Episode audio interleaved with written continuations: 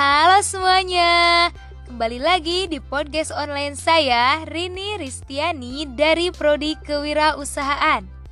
Di sini saya akan melanjutkan review materi yang ketiga dari Kakhoirunisa SPD dengan judul materi Motivasi dan Strategi Belajar.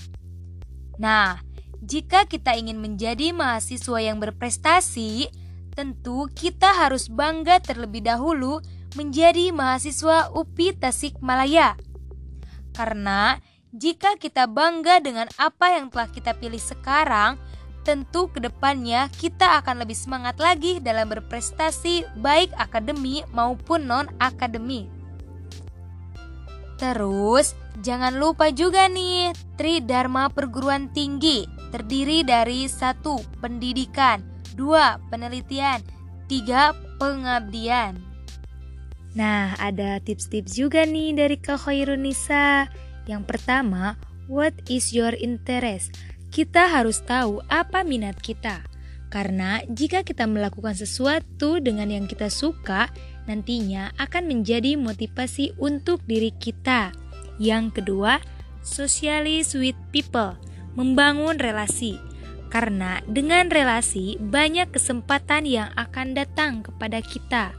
Yang ketiga, set your goals. Jangan lupa buat planning 4 tahun ke depan ya. Dan jangan pernah takut gagal jika planning kita ada yang tidak terlaksana. Segera kita ganti dengan planning yang lain agar kita bisa terus berprestasi.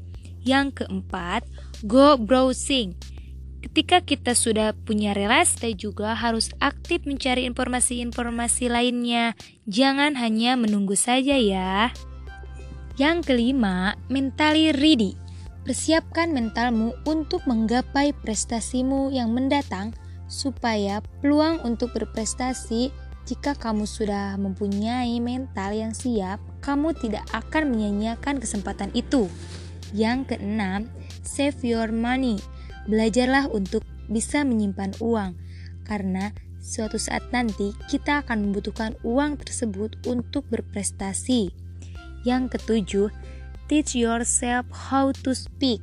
Jangan pernah peduli kalau kita introvert atau extrovert, perbanyaklah latihan atau ikut banyak kegiatan organisasi lainnya. Eits, hati-hati ya, jangan membatasi diri sendiri karena jika kita menutup diri kita, kita tidak akan pernah bisa berprestasi. Lakukan yang terbaik jika ada kesempatan.